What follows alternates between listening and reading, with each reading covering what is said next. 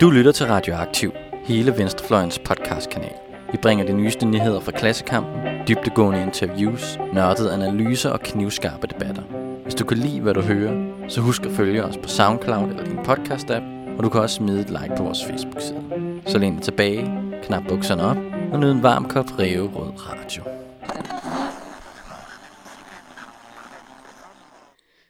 Velkommen til Radioaktivs litteraturpodcast Eksilovne. Mit navn er Anne, og jeg sidder her sammen med Rasmus. Og i dag, der skal vi snakke om Pelle Erobreren. Ja, yeah, endelig! ja, det har vi jo simpelthen teaset for siden før sommerferien, ja. og nu sker det. Ja. Det vi skal snakke om i dag, det er øh, først så vil Rasmus øh, præsentere lidt om perioden, og Martin Andersen Nexø, som er forfatter til Pelle Erobreren. Mm. Så skal vi snakke om øh, værket som helhed, og lige hurtigt skitsere, hvad der foregår i bog 1. Og så resten af tiden egentlig fokusere primært på bog 2, hvor vi vil snakke om øh, Pelle, som er hovedpersonen, og Ellen, som er hans kone. Og så vil vi snakke om øh, de forskellige politiske strategier og taktikker, der bliver brugt. Mm. Og så til sidst noget perspektivering. Ja. Vil du ikke bare starte? Jo. Martin Andersen Nexø, han er en del af det, den sådan litterære bevægelse, som man nogle gange kalder det folkelige gennembrud øh, i dansk litteratur, som er sådan en, en, et brud, der sker omkring år 1900. Et af de, sådan det brud, som de fleste nok kender til og har hørt om i gymnasiet, det er det, man kalder det moderne gennembrud, øh, som er det her med Georg Brandes i spidsen, øh, som skete omkring øh, 1870, hvor der var nogle forfattere og litterater, der begyndte at at kræve og skrive en, en litteratur, der i højere grad fokuserede på sådan sociale problemer. Øh, sådan I den første halvdel af 1800-tallet var der sådan primært romantisk litteratur og sådan biedermeier-litteratur, der fokuserede på, på blandt andet sådan det mere idylliske hjem og på øh, ja, fantasi, øh, altså alle mulige andre ting end sådan de problemer, der faktisk skete ude i, i dagligdagen for mange mennesker. Men, men så kom der så et brud med en række forfattere, som begyndte at skrive om om både øh, fattige mennesker, om øh, kvinders problemer, om øh, naturen og alt det kedelige. øh, det var sådan nogle som øh, I.P. Jacobsen, Herman Bang, Amalie Skram og Henrik Pontoppidan, øh, som skrev den her meget mere realistiske øh, litteratur, der satte problemer til debat. Men det, der så kendetegnede dem her, de her forfattere, det var, at de alle sammen på en eller anden måde var en del af borgerskabet, som skrev sådan lidt på afstand. Altså Henrik Pontoppidan, han skrev om, øh, om de fattige sådan, øh, landarbejdere, så var det ikke, fordi han selv kom derfra. Øh, og på samme måde, når Herman Bang skrev om, om øh, kvinder i provinsen, der, der sad fast og aldrig rigtig fik deres drømme opfyldt, så var det, mange læser det som sådan lidt nogle spejlinger af nogle øh, problemer, han selv havde, men det var ikke sådan selvoplevet øh, oplevelser. Men det, øh, det ændrer sig så med det her det folkelige gennembrud omkring år 1900. Der begynder de, de øh, forfattere, som selv har en, som kommer fra, eller mennesker, der kommer fra landet eller fra arbejderkvartererne selv at skrive litteratur på baggrund af deres egne oplevelser. Børn af småbønder, landarbejdere og storbyproletariatet. Der kommer sådan nogle forfattere, Jeppe Aukær, Marie Brendal og så Martin Andersen Nexø, som nogle af de allermest markante skikkelser, som øh, først for det første skriver meget mere selvoplevet, men også på mange måder mere sådan politisk øh, bevidste og med en politisk retning. I det moderne gennembrud, der er de ofte kendetegnet ved, at det er sådan nogle ret pessimistiske øh, romaner, hvor alting, hvor alting lidt ender med at gå galt, og hvor, øh, hvor, hvor personerne ender med at degenerere. Øh, hvor at, at vi her får nogle forfattere, som i højere grad skriver med et politisk projekt. Det kommer vi også ind på senere. Men, en, men Martin Andersen Nexø er så en helt central beskikkelse, og han, det er netop på baggrund af hans egne erfaringer i høj grad. Han skriver blandt andet Pelle Eroberen øh, Martin, Andersen, Martin Andersen, som han bare hed faktisk, da han blev født, blev født på Christianshavn i 1864, øh, i et miljø, der meget ligner det, øh, som, øh, som Pelle lever i, der hedder Arken. Sådan et, et stort øh, et baggårdsmiljø øh, på Christianshavn, meget fattigt. Øh, hans far var stenhugger, øh, måtte øh, købe sig, blev indkaldt til krigstjeneste i 1864, altså det store slag der ved Dybøl. Øh, det det ville, ville han ikke rigtig være med til, så han brugte alle de opsparede penge, han havde på at købe sig fri af det og, og var derfor, ja, havde de endnu færre penge, end de havde i forvejen. Og han bliver så arbejdsløs i 70'erne, og derfor så flytter de så til Bornholm, til egnen ved Næksø. Øh, det er derfra, at Martin Andersen tidligere senere tager øh, navnet Næksø. Øhm, og der, øh, der får han så også arbejde i et stenbrud, øh, men det går ikke så godt. Han er ret, øh, han, han er for drukken, blandt andet fordi, at øh, lønnen er så lav, at man, eller at han får noget af sin løn udbetalt i brændevin. øhm, så det går ikke så godt, og han dør faktisk af druk, øh, ikke, altså ret, ret ung. Øh, Så det er meget hans mor, som øh, Martin Andersen Nexø har et forhold til. Martin, han, øh, han lever så som, han har så en okay tid som vogterdreng. Det er jo også noget, som er mm. et, et, et går igen fra Pelle, og han kommer til Rønne og bliver skomagerlærling. Igen noget, som øh, præcis det samme, som Pelle gør. Men så sker der så det, som i modsætning til Pelle, at han får et ophold begynder at komme i kontakt med højskolebevægelsen. Blandt, og blandt andet får et ophold på en, den højskole, der hedder Askov Højskole øh, i Jylland. Øh, og derfra begynder han så at udvikle sin øh, forfatterkarriere. Så op igennem 18, øh, 1890'erne, der laver han så nogle også sådan realistiske romaner, men meget sådan i den her lidt moderne gennembrudsagtige stil, hvor han fokuserer på sådan øh, degenererede skæbner og øh, sådan øh, dekadente borgerskabstyper, der øh, går i forfald, og sådan, sådan meget, meget den her lidt pessimistiske litteratur. Men begynder så at tage nogle rejser blandt andet til, øh, til Spanien og møder så de socialistiske og anarkistiske bevægelser der, og bliver på den måde for større og større interesse for arbejderbevægelsen og den socialistiske bevægelse, og og begynder så ligesom at, at få øjnene op for, at der altså er nogle bevægelser, der faktisk er ude at ændre verden. Og dem begynder han så at skrive om. Pelle Roberen kommer så, det første bind kommer i 1906. De, over de næste år kommer, kommer de fire sådan enkelt bind så. Øh, det sidste kommer i 1910. Og det er ligesom så det første store hovedværk, som hurtigt får stor berømmelse. Og måske skal vi sige, fordi at jeg sagde lige før det der med bog 1 og bog 2, ja. at ja. bind 1 og bind 2, det er så bog 1.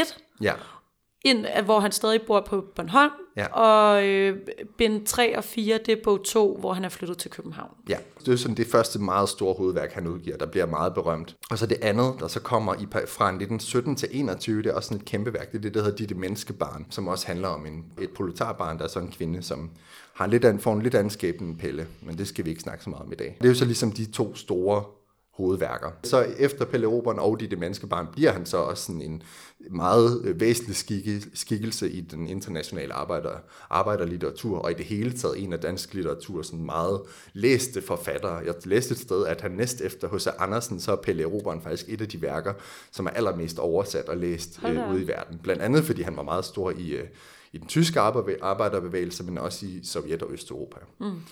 Så det er et rigtig vigtigt værk, og ja. meget, meget læst værk, vi skal i gang med. Og nu kommer vi endelig til det. Man kan jo sige, det, det er jo sådan en, ikke en helt klassisk, men, men alligevel dannelsesroman, ikke? Mm. hvor man følger Pelle fra, han er helt ung, jeg, jeg tror aldrig, man rigtig får at vide, hvor gammel han er, men jeg, mit indtryk er sådan noget 6-7 år måske, måske yeah. endnu yngre. Og så ind til et godt stykke ind i hans voksenliv. Og sådan den første bog følger man rigtig meget øh, sådan en personlighedsformning, øh, karakterskabelse. Nogle af alle de her oplevelser, han har som barn. Han kommer jo til, til, til Danmark som migrant faktisk, ja, øh, fra Sverige, det, ja. sammen med sin, sin gamle far, Lassefar, og bliver så sådan feste husarbejder på sådan et, en gård. En gård, ja. Og bliver jo så, som du startede med at sige, eller som du sagde før, øh, hyrdedreng først, og da han så og i det hele taget går og hjælper Lassefar der mm. lidt med, med de arbejdsopgaver, han nu har, og så på et tidspunkt kommer han jo også i skole, og så følger man også noget af det, og der er noget i forhold til de børn, der kommer fra landet, og de børn, der kommer mm. fra øh, havnen, og mm. sådan mere fiskerbørn, og i det hele taget der på gården er der også noget med, hvordan karlene og... Det er en ekstremt sådan, hierarkisk struktur, ja, hvor dårligt ja, ja. nogen bliver behandlet, og hvordan dem, der så prøver at gøre oprør, bliver altså, slået ned. Slået ned. Ja. ja, hvordan det går galt for dem. Og så øh, i bog 2, eller i bind 2 hedder det, der, øh, der tager han så til Rønne mm. og bliver skomagerlærling. Mm. Lærling. Og der oplever han jo så mere sådan altså begyndende arbejdermiljø, og ligesom igen, altså er helt nederst i hierarkiet. Mm. Og, men det der er med Pelle er også, at han, han altid er lidt øh, nogens yndlings, ikke? Jo. Altså, det, det, det går aldrig sådan rigtig dårligt for ham, fordi Nej. der er altid er nogen højere oppe i hierarkiet, som lidt holder en hånd over ham, ja. og lidt sådan hjælper ham på vej. Og... Jeg har meget fremdrift, og sådan ja. ofte ret dygtig til, han gør, ja. og sådan ja, bliver... Ja gode venner med sådan vigtige personer, sådan ja. et, et stykke hen ad vejen i hvert fald. Og det, der så sker i slutningen af bind 2, det er, at han tager over havet mm. med båd til kongens København. Yes. Og så er det her, det politiske liv starter for Ja. ja. ham. Man kan sige, at han er blevet lidt introduceret til sådan socialistiske idéer, som er kommet... Øh, altså deres idéer har sådan, er begyndt at spire på Bornholm, ja. men alle dem, der sådan, øh, sy- sympatiserer med de her idéer, de bliver lidt anset for nogle tosser i lokalsamfundet der. Ja. Og, Ja, og han oplever sådan flere sådan, altså fattige mennesker, der prøver at gøre oprør. Der er også ham her, Kraften, altså Ja. sådan en, en stenhugger, øh, som ligesom altså, prøver at, at gøre oprør, og, men som ender med at, at dø, men som så på sit dødsleje sådan ligger og begynder at, at, at komme med sådan en vision om et samfund med meget større lighed eller sådan noget. Så der er sådan forskellige små ansatser til. Ja. til noget. Men, Men samtidig, så er det jo også øh, i bog 1, altså at det er bare Pelle, der bliver mm. teenager. ja, ja, ja. Han har mange kriser. Altså, ja. sådan, han er også, der er meget drama omkring. så kommer han til København. Ja, og så bliver det spændende. der er han jo stadig skomager, men, øh, men øh, han, øh, han oplever jo, at der begynder at være, øh, at der er en bevægelse i gang, nemlig øh, i arbejderbevægelsen, og meget hurtigt bliver han involveret i den. Han bliver så en af de mest fremtrædende skikkelser efterhånden øh, i, den her, i den her arbejderbevægelse og den socialistiske bevægelse, og bliver sådan en af de ledende kræfter, Øh, den sådan agitatoriske leder under det, der udvikler sig til storlockouten i 1899, altså det, der også findes, som også har fundet sted i virkeligheden, og som øh, er det, der fører til hovedaftalen øh, mellem, øh, altså det, der sådan grundlægger den danske model, hvor øh, mm, ja, man får anerkendt organisationsretten, men man så også fra arbejderbevægelsens side øh, anerkender arbejdsgivernes ret til at lede og fordele arbejde. Men det, der så sker efter lockouten, mm. jo faktisk sådan i umiddelbart forlængelse af lockouten, det er, Ja. at Pelle han bliver anholdt. Ja, Øh, fordi han under en af de her dage, hvor han har siddet derhjemme og sultet og ikke haft noget arbejde, har siddet og sådan for sjov tegnet nogle penge. ja. Øhm, og det bliver jo så brugt som en undskyldning for Ja. ja. at smide ham i fængsel. Men nok fordi han har været rigtig rimelig besværlig for, Ja. for, Ja. øh, for kapitalen. Så bind 4 starter simpelthen med, at Pelle han er i fængsel og bliver løsladt og kommer ud her syv år efter øh, lockouten har fundet sted. Og så følger vi i det sidste bind, øh, hvordan han kommer ud og oplever samfundet her efterfølgende, mm. og hvordan han ligesom skal kæmpe sig lidt tilbage og sådan mm. finde sin plads. Og, ja. øhm, Men også hvordan sådan, man, han, man politisk kommer videre. Fordi ja. Det, er ikke, det har ikke været den store revolution, selvom det Nej. sådan, træ- trækker op til det, så bliver det jo ikke den store revolution. Men Og Pelle forandrer sig også lidt. Ja. Altså, det, det bliver en anden rolle, han får, og ja. det bliver også... Altså, han er også en anden person, fordi han har brugt rigtig meget tid på at læse derinde mm. i fængslet, og han bliver meget mere teoretisk, og meget mere sådan noget med nye visioner. Altså, mm. han, bliver, han kommer meget mere selv på banen i forhold til at ville skabe noget nyt på Ja. en eller anden måde, ikke? Øhm, og indleder jo så øh, sådan et kooperativ, og begynder at tænke rigtig meget i kooperativer og ja. andel, og ja, præcis. Ja. Ligesom skabe det nye samfund i det gamle, eller Ja. hvad man skal sige, bliver på en eller anden måde hans, hans vision.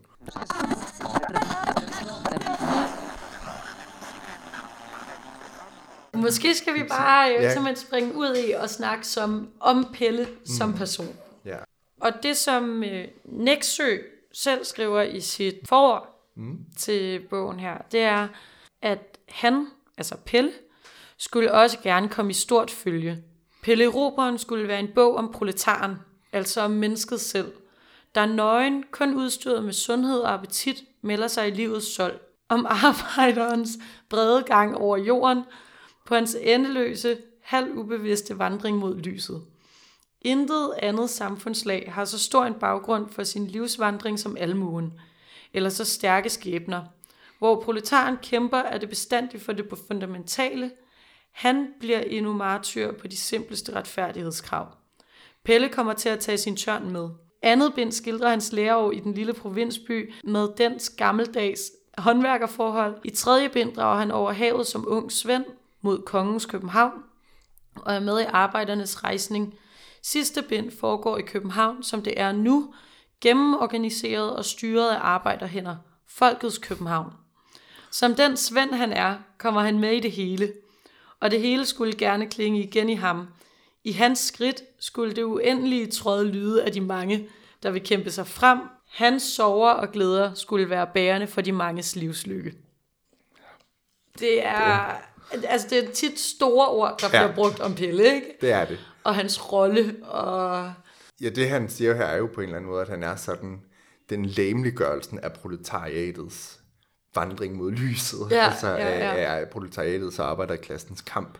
Og det er også sjovt, fordi vi snakkede om det der med, at Pelles udvikling Mm. eller øh, liv lidt afspejler hele den måde, som sådan marxistisk historieforståelse mm. og proletariatets udvikling og fremdrift, og Ja. sådan det der med at starte i et lidt øh, øh, feudalt samfund ude mm. på landet, og så komme videre og ind i byen. Og, Ja. Hvor borgerskabet opstår Ja, som sådan nogle ja. ja. enkelt håndværkere. Ja, og så til København med industrialisering, og til sidst den her store socialistiske bevægelse. Han er ligesom læmeliggørelsen af også den historiske bevægelse. Han er jo også sådan, hans egen personlighed er jo meget sådan fremad. En, I hvert fald en stor del af ham er jo sådan virkelig den her unge øh, mand, der vil frem i verden. Da han er barn, har, jo vildt, har han vildt mange sådan, øh, fantasier om alt det, han skal opnå. Han skal til ja. Amerika, og han skal ud og se hele verden, og ud og gribe det hele. Og det bliver jo så mere og mere sådan guidet ind i en organisatorisk og socialistisk retning, den her sådan, livskraft, han besidder. Men han har rigtig meget hele tiden det her med sådan, at han har øh, jeg følt sig udvalgt eller sådan ja. Drevet frem. Ikke? Og sådan, man kan mærke, at i den første bog, der er det sådan lidt øh, uhåndgribeligt på ja. En eller anden måde, og sådan at, at han bare, der bliver hele tiden snakket om den her koslik i panden, som. Ja, han er født med, som præcis. skulle bringe lykke og et eller andet, og øh, Lassefar siger tit noget med, at Nå, du, du er også født til store ting, eller ja. Et eller andet i den stil, ikke? Og, sådan, Jo. og det bliver tit beskrevet, hvordan han har den her følelse af Ja. at kunne udrette noget, Ja. eller sådan, ikke? Og så er det først i bog to, at det sådan bliver mere håndgribeligt og konkret, ja. og Ja, han selv får retning på det, Ja. eller sådan noget. Det er faktisk noget, som, som, som man udfører i verden. Men han har jo det her med ligesom at føle sig som den udvalgte. Ja, Og det har jeg faktisk også et citat på her. Og det er under den helt store øh, demonstration Ja. ved lockouten.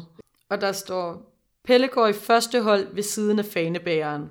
Han sanser ingenting, men ser lyst fremad og over hovedet på gadens færdende. Hans hud er røget endnu fra branden.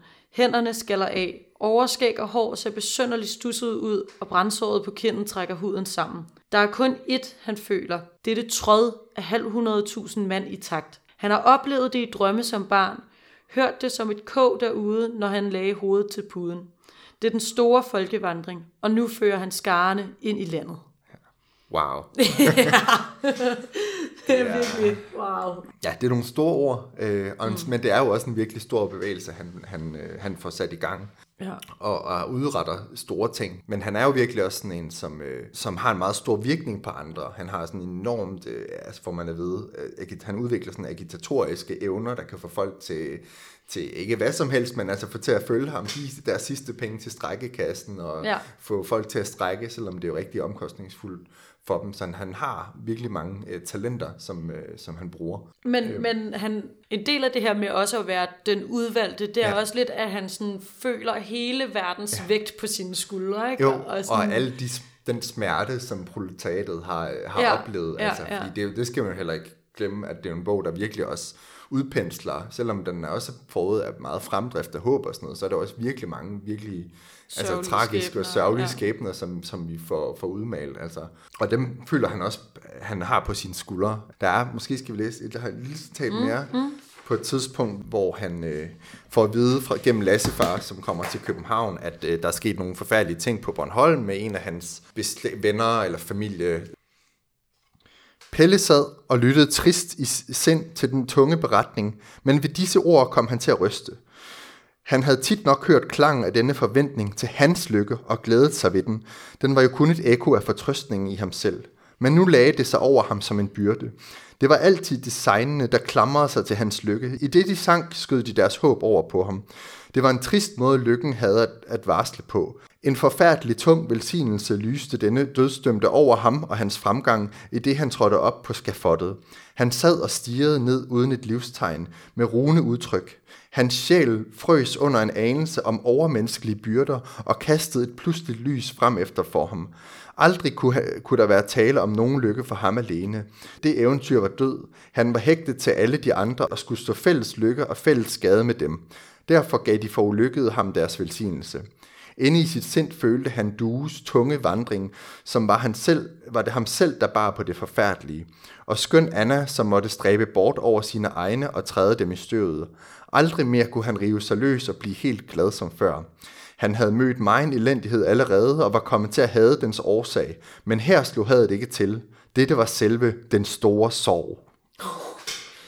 Det er altså også, det er virkelig storladende. Ja, jeg er ikke helt sikker på, at jeg sådan lagde mærke til det på samme måde, da jeg læste den selv. Ja, når Men man læser sådan- det højt, så bliver det Ja. faktisk endnu mere sådan... Øh. Men det er jo virkelig også... Altså, jeg synes, det, det altså, jeg også fik ud af den her... Det kommer vi også tilbage til senere, men det, altså, det er jo virkelig også en tid, hvor der er virkelig mange mennesker, der virkelig altså, oplever nogle forfærdelige ting, og er ekstremt fattige, og ja. hvor livet bare er mega, mega hårdt. Altså, hvor det virkelig bare er fra dag til dag, at man skal kæmpe for maden, og det er ikke engang sikkert, at man kan det, hvor der også er store sådan, sociale altså, kon- altså, konsekvenser, mange gør. Men det hviler også på ham, føler han. Det gør det jo også lidt. Ja, altså, Altså- det gør det. Og det er jo også, altså når han er fagforeningsleder, er det jo også, altså hele den der lockout-tid er jo også folk, der skal altså virkelig næsten fra- frasige sig mad, fordi for at holde det kørende, og for at betale til strækkekassen, og, fordi, og for at stå uden for arbejde. Altså han bærer jo på en eller anden måde også virkelig mange menneskers skæbne i, i hænderne ved Ja, at være den ja, her ja, ja, ja. lederskikkelse. Ja, der er næsten sådan lidt, øh, det er måske meget blasfemisk, sådan lidt Harry Potter over ham nogle gange. det her The Chosen One. Ja, det, ja, men også netop det der med sådan at føle, hvor, øh, hvor hårdt det det der Ja. at være the chosen one. øh, Altså, Ja. Og så også med de personlige konsekvenser, for det er jo heller ikke sådan, at han bare er en lykkerider, i hvert fald sådan, at det er jo mm. faktisk også, øh, det har nogle store personlige konsekvenser for ham også, den her kamp. Ja. Og der er jo, altså, der er blandt andet på et tidspunkt, hvor han får muligheden for at øh, faktisk træde op af den sociale rangstige og blive ansat som ingeniør på en fabrik, men vælger at sige nej til det, fordi ja. at han ikke vil være... Han skal være skruebrækker, så, yeah. fordi at, altså, hans eget hjem er jo også rigtig fattigt, og altså, han har lige set, og det har hans, han kone jo også set det her som en anledning til faktisk at få bare lidt overskud, og kunne begynde at købe sig et, øh, nogle ting, så man kan få et hyggeligt hjem. Ja, ja, Og så siger han nej. Ja, ja, der er også rigtig meget i det her med forholdet til Ellen, som vi også kommer tilbage ja. til, som Ellen er hans kone, Ja, øhm, som øh, ikke på samme måde øh, deltager i den her Ja. socialistiske kamp. Og altså det, at han gør det, skaber bare sindssygt mange spændinger i deres forhold, Ja. og gør, at de ikke sådan altid lige er helt aligned og forstår Ja, ja, hinanden. Og, han bruger meget tid på det, altså de, i Ja. nogle perioder ses de jo næsten aldrig, mm. og så er det, altså, har de ikke nogen penge, altså, og så er det jo så Ellen, der må øh, gøre alt, hvad hun kan for at sørge for, at, at ham og børnene får mad. Øh, og det ender jo så også med, at hun faktisk prostituerer sig selv, eller mm. sælger sig selv som sexarbejder, som jo så fører til, som jo så skaber stor drama. Øh, Ja, fordi han, det er jo så også det, der er ved Pelle, at selvom Ja. han er den udvalgte og den gode og alt det her, så er han også meget menneskelig egentlig stadig Mm. på nogle punkter, ikke? Altså sådan, og det der med, at han kan slet ikke have, at Ellen, hun har været ude at sælge sig selv som sexarbejder, og sådan, altså det, det står han helt af på, og bliver sådan helt... Øh, Ja, på den måde, så, så er der stadig sådan nogle lidt, øh, hvad hedder det, reaktionære idealer i ham også, særligt ja. Ja. når det gælder forholdet øh, mellem, mellem kønnene. Der er faktisk et meget godt citat jo. I spændingen mellem selv, selvhævdelsen og selvudslettelsen, evnen til at overleve, men ikke gøre det på andres bekostning, er Pelle Robrans dannelsesprogram givet. Den var ikke dårlig darwinisme, ikke et indlæg for de stærkeres ret til at overvinde de svage, ej heller for de svages pligt til at bløde bort i stillhed, men en realistisk skildring af vilkårene for medmenneskelig udfoldelse. Naturen er for Nexø både en nådesløs kampnatur og en natur, hvor spontan godhed vælger frem. Mm. Pelle er både den dreng, der er moralsk leger værveløse mus til døde, og den, der brister i gråd derved. Både drengen, der køber sig lov til at piske vinden rod med brændenælder, og den, der tæver samme ven, når han slår fugleunger ihjel. At disse linjer udvikles Pelle i sit møde med livet, og i den retning skoles arbejderklassen ved ham, til streng magtkamp og medmenneskelig solidaritet. Så han er meget sådan en, øh, på mange måder en meget, øh, en, en karakter med meget dybde, Ja. og sådan mange forskellige facetter Ja. og kvaliteter, og Ja, både sådan har det her sådan, øh, fremadstormende, øh, organiserende, sådan lidt hårde element, eller hvad man skal sige, men er også sådan en ret blød og følsom person, altså, som har menneskelighed og medlidenhed, og som i øvrigt også er sådan god til at tegne og være kreativ, eller sådan, han er netop går tur med barnevognen. går tur med barnevognen, som jo er, Det er alle synes er rigtig fjollet, det er helt vanvittigt, men det, øh, det gør han så alligevel. Så han har også det her element, og det er måske også noget af det, der gør ham til lederen, at han både har det sådan ledende og retningsgivende, men også det her følsomme menneskelige. Og på den måde, så er der jo også, altså, bliver han jo også næsten til sådan en religiøs, øh, altså der er sådan lidt, lidt Jesus-agtig over ham nogle gange, Ja. eller Moses, øh, Ja. og måske en blanding, det Ja, en en god blanding af de to, for at snakke om blasfemi. Ja, ja. Det er rigtigt, vi tager hele. Ah, jeg tænker, på den side er vi godt dækket. Ja. Harry Potter det nok være. Ej, men sådan, der, er, altså, der er jo sådan, det religiøse, altså sådan, kristendom spiller jo sådan en lidt sjov rolle, som, altså, som er jo sådan et narrativ, han bruger mange gange, både sådan, øh, ja, israeliternes øh, vandring i det gamle testamente, og sådan Jesus taler og sådan noget i det nye, mm. altså sådan, han bruger det der, og han, han har jo også lidt sådan en funktion af sådan den der hyrde, Ja, næsten ja, nogle ja. gange. Altså det er, der er en eller anden med, at han er hyrde som, som barn, øh, og så ender som sådan en arbejderleder, der sådan i hvert fald har sådan øh, lederfolk Hyrdefunktion. ud af mørket, og, og har også det her, han, han er også sådan lidt tilgivende nogle gange. Han der er på et tidspunkt under lockouten, hvor der er nogen, hvor han går ind til skruebrækkerne. Altså det afgørende træk er, at han går ind til skruebrækkerne og får dem til at nedlægge arbejdet også, og ligesom giver dem øh, tilgivelse. Eller sådan. Der er sådan nogle figurer, hvor han bliver sådan lidt Jesus-agtig. Og prøver i virkeligheden også på et tidspunkt, der er en, der er en gammel fagforeningsmand, som mm. ender ud som skruebrækker, fordi ja. At han netop ikke vil ofre alt for kampen, ja. Som Pelle gør på det. Altså, han vil ikke ofre kone og børn og familie Præcis. og sådan, ikke?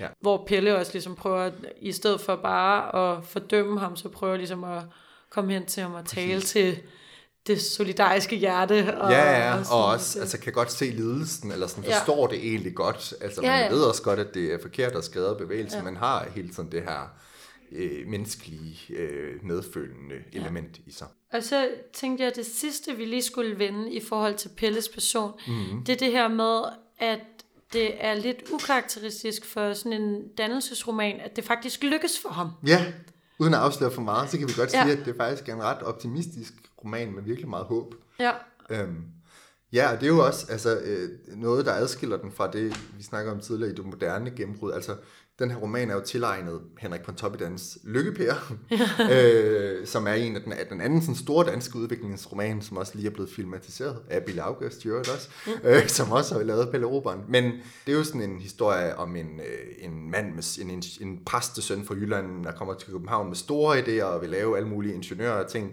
men som ender med at smide det hele på gulvet og, og, sådan, og må gå, gå tilbage skuffet eller sådan. Mm. Og det er jo sådan meget af den der sådan borgerlige litteratur, er, er jo ender, altså der er meget litteratur, hvor det ender galt, mm. men det gør det ikke her.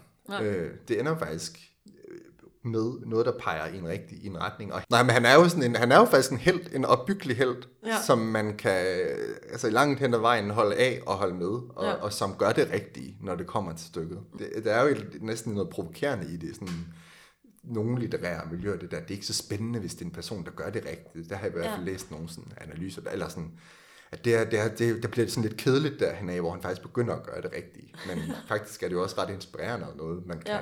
man kan lære en masse af. Og han er jo Men ikke mindre kompleks, også- han er jo kompleks. Ja. Det er jo ikke, ja. men det er jo nok også noget af det, som etteren, tænker jeg, bygger lidt op til, altså netop viser, eller prøver at vise, hvordan han når dertil, hvor. Ja. han tager de her valg, ikke?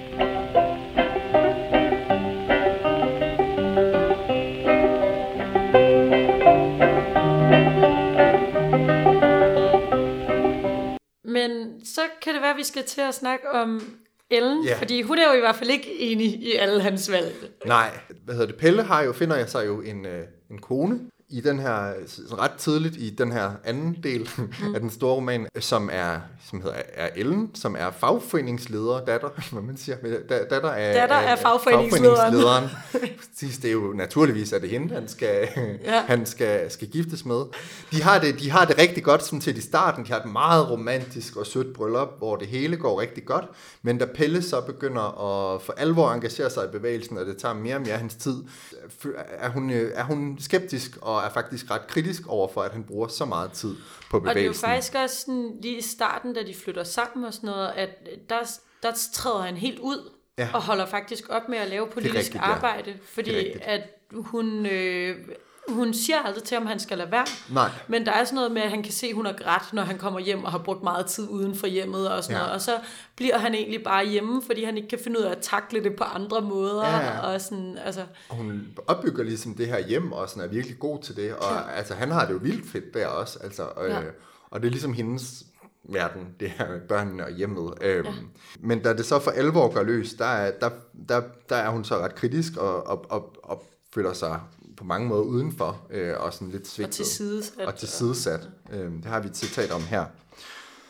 På det punkt havde hun ikke taget ved arv og lære, men var den hun var, og ville aldrig blive anderledes, øh, hvad der så gik over hovedet på hende. Pelle offrede koner og børn for en kunstig idé for ikke at svigte nogle ligegyldige kammerater. Det er altså Elles, Ellen- Ellensen tanker, man er lidt inde i her. Det med strækken og den hårde fordømmelse af dem, der ikke holdt trop, var og blev for hende værtshusbryg. Noget arbejderne havde si- siddet og kørt ind i deres hoveder, når de havde en halv en på. Sådan var den, og det fyldte hendes væsen med krænket smerte at se sig og sine sat til side for uvedkommende. En smerte, der gjorde hende skøn og gav hende ret i sit. øhm, ja, så hun reagerer jo, hun er jo, ikke- det er jo ikke sådan, hun netop, som du også siger, altså siger, at han ikke skal gøre det, men hun, der er sådan perioder, hvor, hun sådan, hvor de ikke taler så meget sammen, Ja. ja. og hun sådan næsten mere bliver meget stille og endnu mere demonstrativt gør hjemmet pænt. Eller sådan. Og de mister rigtig meget forbindelse, og sådan Ja. ja. også i perioder, ikke? Jo, præcis. og jeg kan huske, altså jeg, jeg blev sådan lidt skuffet nærmest over, at det var den type kvinde, han blev Ja. forelsket i. Jeg var sådan, ej, så må du også lige kræve lidt af hende, Ja. ja. eller sådan, hvorfor er det ikke sådan en eller anden... Øh... I starten så tænkte jeg, hvorfor er det ikke en stærk kvinde, Ja. som er en del af kampen, og som, hvorfor, er det, hvorfor er det ikke det, han bliver forelsket i? Ja. Men hun er jo faktisk stærk, Ja. ja. oplever man så efterhånden. Hun er bare stærk på en anden måde, og hun har andre prioriteter, ikke? Jo, jo, hun er vildt stærk. Ja, men, og man kan jo så også godt forstå, altså, øh, det er jo også, man kan også lave sådan nogle mere altså, feministiske analyser af, hvad det er for en rolle, hun er sat i. For hun er jo også, altså, altså hun har jo også, fordi hun sikkert er blevet opdraget som kvinde til, at hun skal øh, være i det her hjem, og det er ligesom også det, der bliver givet hende, og hun har ikke noget indflydelse på. Det er jo ikke sådan en fælles beslutning, de tager, at nu går de ind i kampen, og hun bliver jo sjældent spurgt til, til råds om noget. Så hun får bare ligesom til opgave at lave det reproduktive arbejde med at lave mad og passe børn, eller sådan noget. Så hun står jo også meget sådan, det bliver bare taget for givet, hun gør det arbejde, hun gør. Ja. Øh, så på den måde er der også, sådan, også i Pellesen, altså han sætter jo meget pris på det, men det bliver ikke betragtet, hun, det bliver betragtet mere som sådan en, ja, en moderlig opgave, og ikke sådan et arbejde, det hun mm. gør, og derfor bliver det heller ikke ligeværdigt. Og det er måske også det, kan man også læse hendes reaktion som et udtryk for, at hun ligesom ikke, det bliver ikke respekteret på samme måde. Hun bliver andet gjort, eller sådan. Ja, helt vildt meget. Men det er også meget det her med, at de, de lever meget i to forskellige verdener, Ja. som så en gang imellem kommer til at overlappe lidt, Ja, og så en gang imellem trækker sig virkelig langt væk fra hinanden. Ikke? Jo. Og sådan, at Pelle han forstår ikke rigtig hendes verden heller, tror jeg. Selvom Nej. han, altså så nogle gange, når de nærmer sig der, så er det også der, han går lidt tur med barnevognen og sådan noget, ikke? Og så Jo. andre gange, så er han bare sådan helt distanceret, både fra hende ja. og børnene og hvad som helst. Og i virkeligheden tror jeg måske også, at det lidt er noget af det, han faktisk bliver forelsket i, det der med, at han ikke Ja. helt forstår hende. Ja. Og hun bliver lidt den her mystiske kvinde. Og, mystiske kvinde, naturkraften. Ja, for det er netop også, altså hen i, i anden bog, hvor de så begynder at lave det her øh, kooperativ, der begynder det jo at gå bedre, fordi det er som om de to verdener sådan merger, eller sådan glider ind i en symbiose, fordi det her kooperativ på en eller anden måde er sådan familieverdenen bredt ud. Øh, og der bliver hun så også, altså der får, kommer hun mere i sin ret, og Pelle altså, begynder at acceptere, at hun kan noget, noget andet som kvinder, Det er meget forfærdeligt at sige. Men vi har lige et citat her, hvor at man virkelig kan se, sådan, hvad det er, øh, hvad det er, for- hvordan hun sådan har styrke på en anden måde. Lige uudgrundeligt blev hun ved at være, hvor meget han så mente, han tilegnede sig af hende. Hun blev større og større af det. En ny og fremmed verden bar hun ind til ham. Det gådefulde ubekendte, som han ellers altid måtte strides med, kom og lod sig tage kært i favn. Helt forlangte han hende ikke mere. Inderst inde var vel et hvert menneske ensomt. Han anede, at hun gennemløb sin egen udvikling i det skjulte og undredes på, hvor hun ville dukke, dukke frem en gang. Tidligere havde det pint ham, at hun ikke var med i bevægelsen. Hun interesserede sig ikke for politiske spørgsmål og valgret. Nu, be, nu begreb han dunkelt, at netop det var hendes styrke. Han ønskede hende i hvert fald ikke anderledes. Hun blandede sig sjældent bestemmende i, hvad han havde for, og hvorfor skulle hun også det? Hun øvede jo sin stumme indflydelse på alt, hvad han foretog sig, prægede enhver af hans tanker lige fra den begyndte at spire frem. Netop fordi hun ikke forstod sig på at diskutere, kunne hun ikke gendrives. Det, der for ham var dræbende logik, virkede slet ikke på hende. Han fik ikke sine egne tanker forslidte igen af hendes mund, og ønskede det heller ikke. Hendes vidunderlige magt over ham beroede på, øh, at hun hvilede sig stødt i sit eget og besvarede de mest knusende argumenter med et smil. Der er jo, ja. Man bliver sådan øh, lige del lidt øh, irriteret og ja. fascineret. Ja, altså, det er jo virkelig, han er jo virkelig dybt fascineret af hende, men hun ja. bliver også meget sådan, til den her anden, altså det er virkelig sådan noget, kvinden af den anden, anden fremstilling her, altså ja. en mystisk kraft, som sådan, øh, ikke, ikke kan sådan noget med argumenter og sådan noget, ja. men kan sådan noget andet med følelser og sådan noget, og hjertelighed og sådan noget. Det er lidt sådan... Øh, Ja. Helt syret. Ja. Helt fremmed for ham. Men hun er jo også faktisk, man finder ud af, hun forstår jo faktisk godt bevægelsen, og, og, har følger mere med, end man egentlig tror, og er jo også en, der faktisk nogle gange prøver at tage beslutninger, men så bliver hun så forhindret i det. Altså, ja. der er det her tidspunkt, hvor hun, øh, hvor at de skal købe et nyt, øh, et nyt hus, eller de skal købe et hus, de leger, fordi ellers bliver de smidt væk, hvor hun sådan vil være den, der vil købe det. Og hun, at hun ja, fordi Pelle vil faktisk ikke købe det, Nej. fordi øh, han er ved at bygge andelsboliger til arbejderne, og så synes han ikke, at han selv kan bo i et hus, han ejer. Ja, præcis. Og så er Ellen sådan, ej, ved du hvad, så nu stopper det. Jeg ja, køber det hus. Præcis. Altså.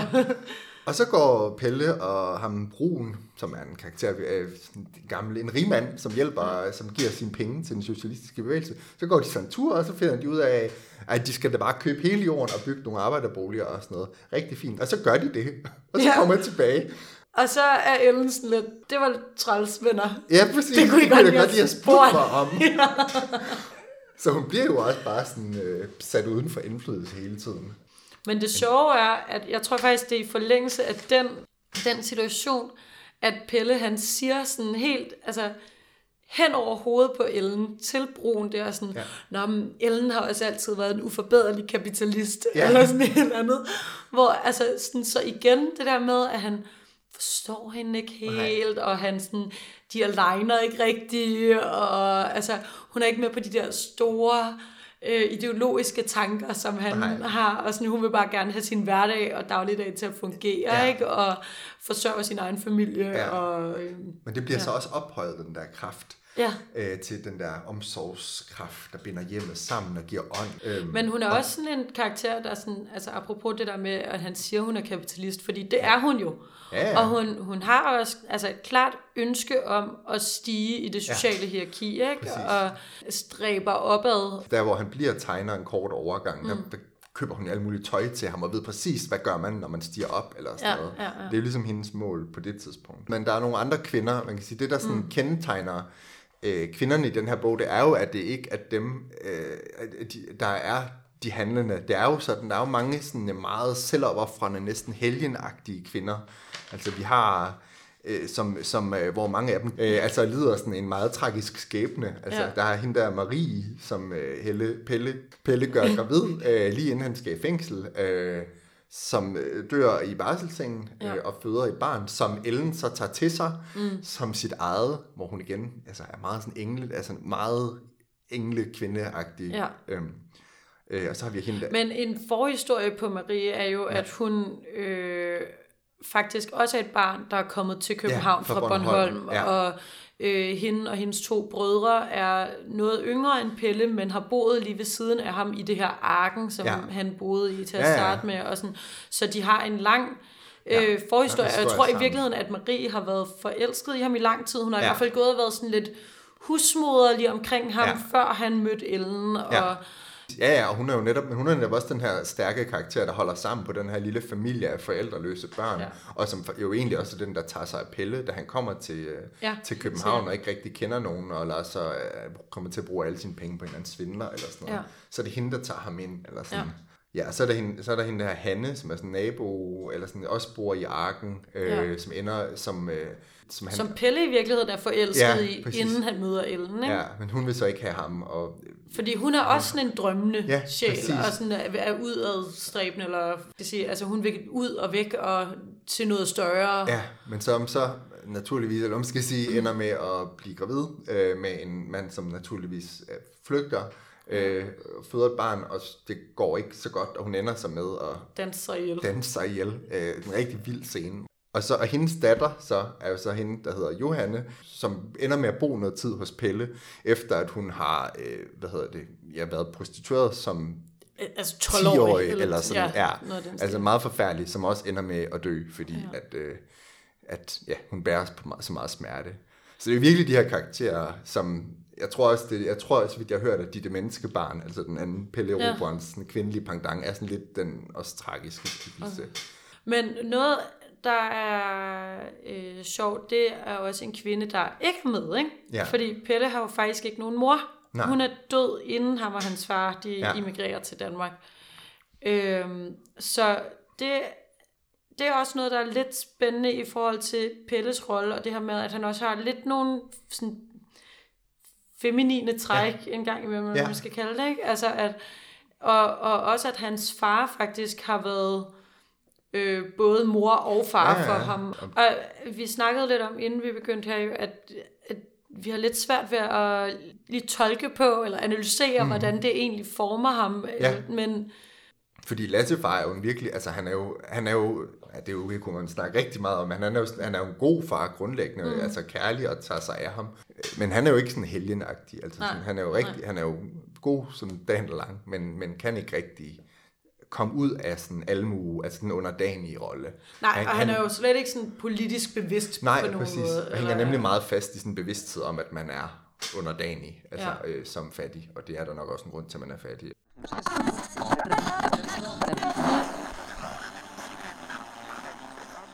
Men Pelle Apropos, ja, har en politisk bevidsthed. præcis. og den bruger han jo i den socialistiske kamp. Ja, Og den rolle Pelle rigtig meget har, det er både som agitator og organisator, og så også den her leder, som vi har snakket om flere gange. Ikke? Ja. Rygtet om hans lykkelige hånd som organisator bredte sig ud over. Overalt arbejdedes der for sammenslutningstanken. De mange begyndte at rette øjnene på ham i forventning. Jævnligt kom der arbejdere til ham og bad ham være dem behjælpelige med at danne organisation. Ingen havde så godt greb på det som han. Så sammenkaldte de til møde, og Pelle lagde sagerne frem for dem. Der var kommet noget af det store sving i hans tale, men de forstod ham godt. Han taler, så ørerne klør på en, sagde de til hinanden. Der blev så valgt tillidsmænd, og Pelle satte dem ind i den praktiske side af sagen. Men I må ofre penge, så I får en kasse, sagde han bestandigt. Uden penge evner vi ingenting. Husk på, det er selve kapitalen, vi slås med. Skal der anvendes bøsser i kampen? spurgte en enfoldig arbejder engang. Ja, sparebøsser, svarede Pelle raskt.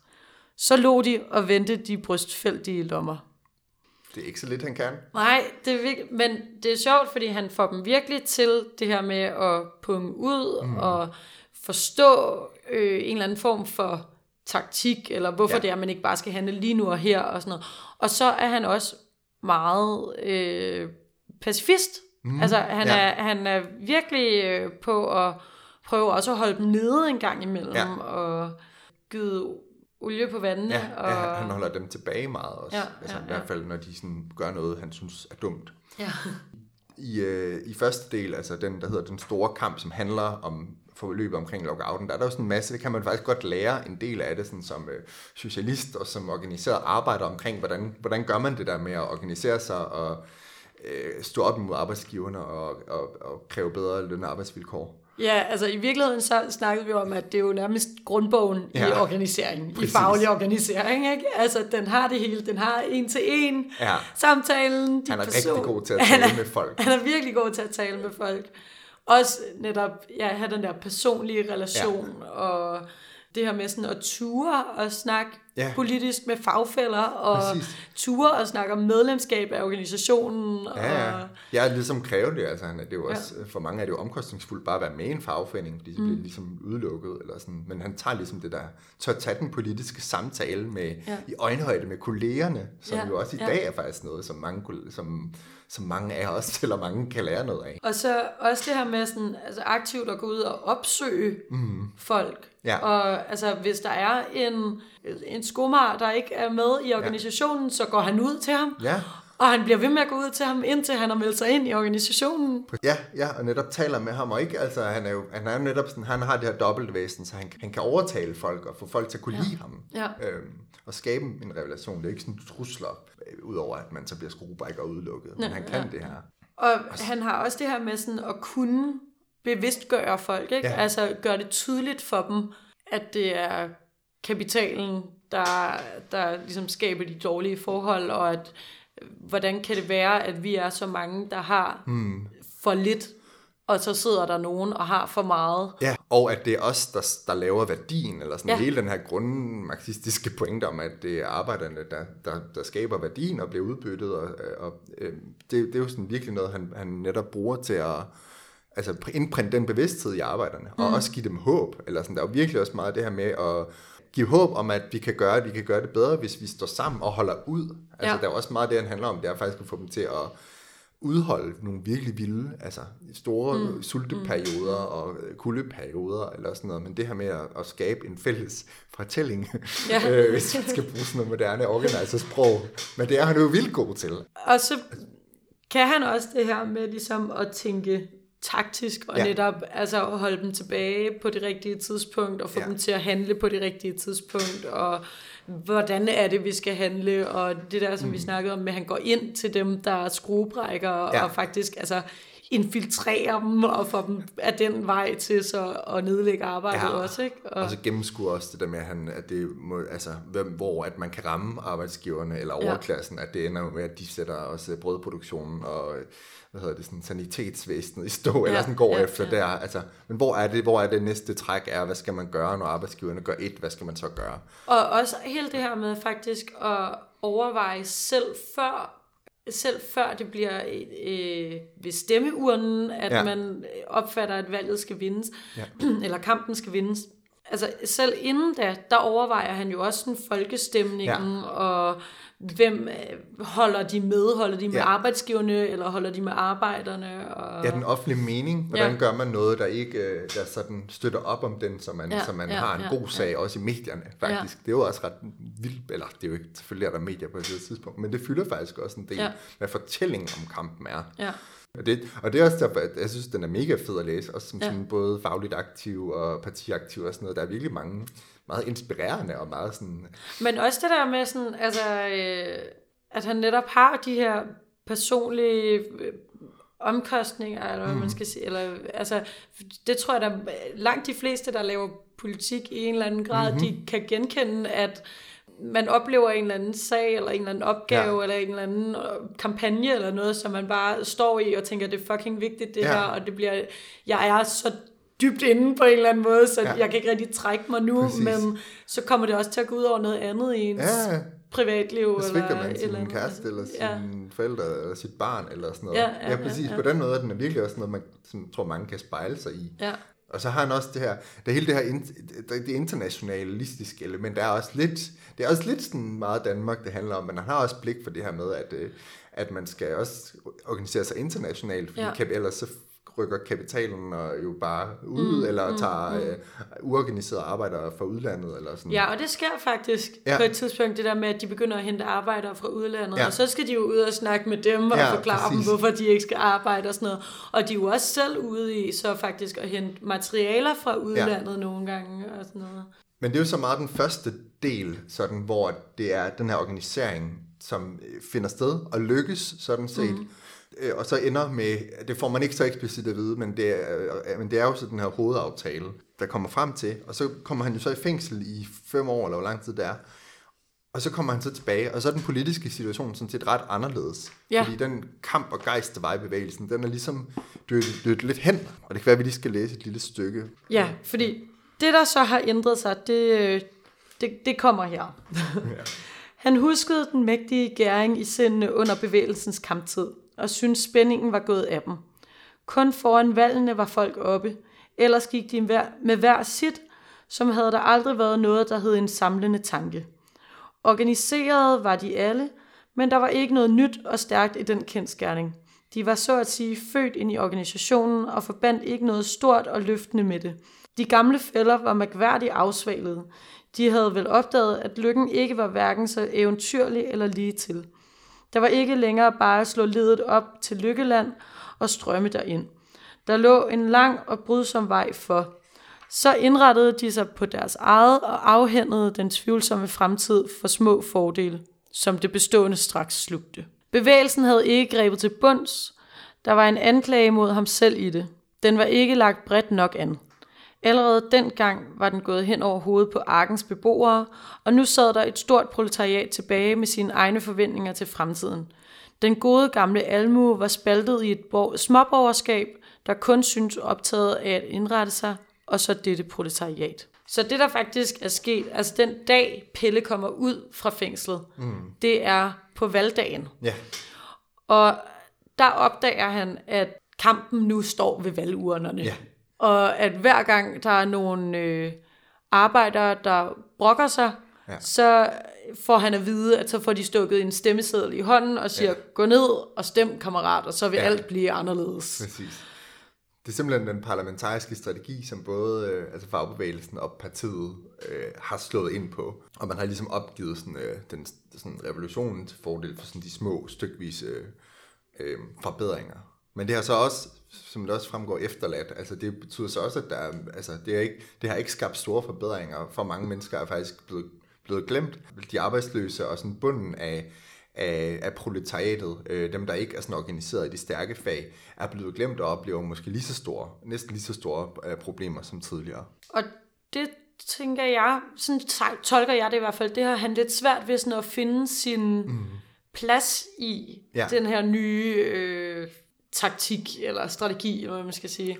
Ja. Og også fordi, at han jo faktisk, som vi startede med at sige, er blevet lidt en anden, Ja. imens han har været i fængsel, og har brugt rigtig meget tid på at læse og uddanne ja. sig, og Ja, han er jo både, altså, han er jo både blevet slået stykker, altså han er jo blevet indespærret og tortureret også, for vi også at vide, men er også så begyndt, jeg begyndt at læse og på en eller anden måde fundet en større dybde i sig selv, eller sådan. Men der, er der går lang tid, hvor han ikke sådan set laver noget øh, politisk, hvor han også læser videre, læser også en masse, da han kommer ud. Men så sker der så alligevel nogle ting, blandt andet den her hende her Johannes, altså den her unge piges skæbne, også ham samtaler med ham her Morten. hans ja, i virkeligheden, han genfinder lidt venskabet med Ja. Morten også, ikke? Ja, Og præcis. sådan- Og som så ligesom vækker ham til live igen, hvor han så tager fat på en hel, eller sådan politisk til live igen, hvor han så tager fat på en ny strategi, som er at øh, opbygge et kooperativ, altså og, øh, et, et, øh, i første omgang et skomager-kooperativ, hvor at der så, øh, så ligesom er opbygget som et, øh, jeg ved ikke, man siger, andelsselskab, eller et kooperativ, hvor alle arbejdere får lige meget løn, øh, man får ja, yder efter evne og nyder efter behov, øh, altså et kooperativ opbygget efter sådan nogle ja, kommunistiske principper, øh, og ender også med at begynde at bygge arbejderboliger og sådan noget. Altså man begynder ligesom at skabe, skabe den nye verden i den gamle. Eller man skal- Og bliver også, øhm, jeg skulle til at sige en større strateg, men det er jo i virkeligheden ikke det, men måske sådan mere øh, visionær på en eller anden måde, eller sådan, øh, altså han, han opfinder ligesom noget nyt, mm. hvor i tredje bind, der er han jo mere lederen på nogle idéer, som folk har tænkt for ja. ham, ikke? Ja, det er jo også det, måske også det, der kommer, altså pointen med, at han læser så meget, altså han ja. bliver ligesom i stand til at skabe noget nyt helt. Ja. helt selv på en eller anden måde. Det er jo ikke sådan, at det ender med et verdensomspændende kommunistisk øh, samfund. Vi er, vi er jo der, hvor det går godt for, mm. for forretningen, men, men, og, det, og der er sådan noget gære eller sådan noget. Men det er ligesom den strategi, han, han, vi, han ender ved, eller hvad man kan sige, i hvert fald så langt vi følger ham. Ja, og man kan sige, altså det er også en lidt mere, øh, hvad skal man sige, nærværende strategi, eller en strategi for det mere nære for ham og sådan noget. Ja. Det er måske også derfor, at Ellen og ham ligesom finder hinanden lidt mere der ja. Til sidst, end de gør, imens han er ude i den store kamp. Og Ja, det bliver lidt sådan en merge, eller sådan en sammensmeltning af, og det er meget øh, gammeldags, men sådan det maskuline og feminine, eller sådan det der, af de der to verdener på en. Ja. eller anden måde. Men det er jo også, jeg ved ikke, men det er jo interessant, men hele den her kooperative tanke, for det er jo faktisk også sådan ret aktuelt politisk i dag, eller sådan, der er jo mange sådan, øh, mange steder, hvor, man, hvor der er folk, der prøver at sådan, øh, tage kontrol med både pensionsfonde ja. og øh, øh, andre selskaber, som er kooperativt styret, og nogen, der er begyndt at opbygge nye kooperativer. Mm. Altså, det er jo også en bevægelse, som er i dag. At, ja, er så også der en kan man i virkeligheden også måske ja. hente noget inspiration. Eller, Ja. Altså, Men den bliver jo så også, og det er, jo, det er der også sådan, det kan man også diskutere, den bliver også kritiseret her i bogen for sådan, at hvad, hvad gør den så for de arbejdsløse? Altså det er jo ret, Pelle er jo ret sådan hård med, hvem der må være med mm. kooperativet. Det skal jo være dem, der sådan er moralsk dannet nok på en eller anden, Ja, anden måde. ja, ja, Øhm, ja, og der var også hele diskussionen om den, om at han faktisk kan ko- konkurrere med kapitalen, hvis, hvis, altså, hvis den stadig eksisterer side om side med de der kooperativer. Men det, det er meget spændende, fordi at det bliver en meget anden... Der er jo ikke lige så meget kamp Nej, i den sidste del. nej, Det bliver sådan mere stilfærdigt, og noget han går og roder lidt med selv.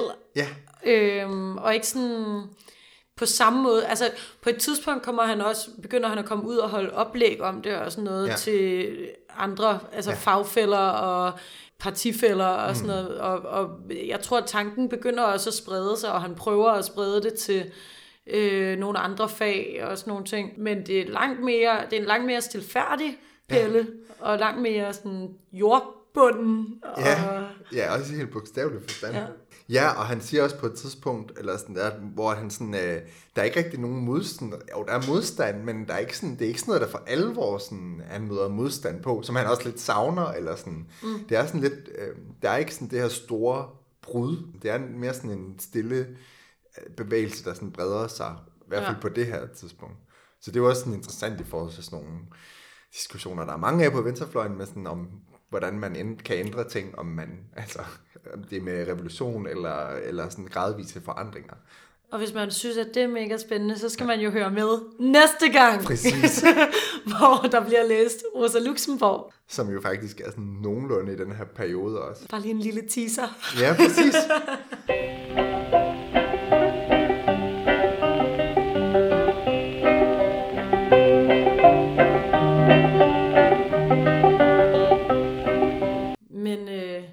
det kan være, vi skal så faktisk altså, snakke lidt om, hvad bogen den har betydet.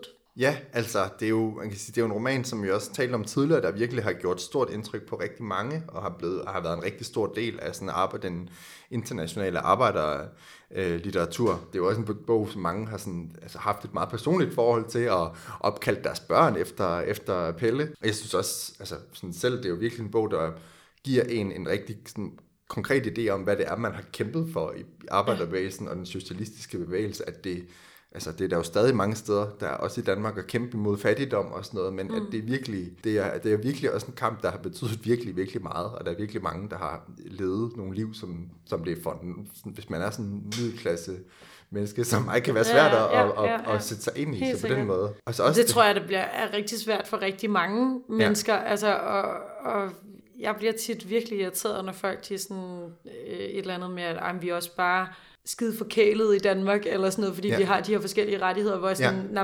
du, det er jo det, den viser, det er den kamp, som Præcis. folk de har kæmpet for at få de rettigheder. Ja, og de har offret sig selv ja. helt, altså de har, eller offret sig selv, de har virkelig ja. været, altså kostet helt vildt meget. Ja.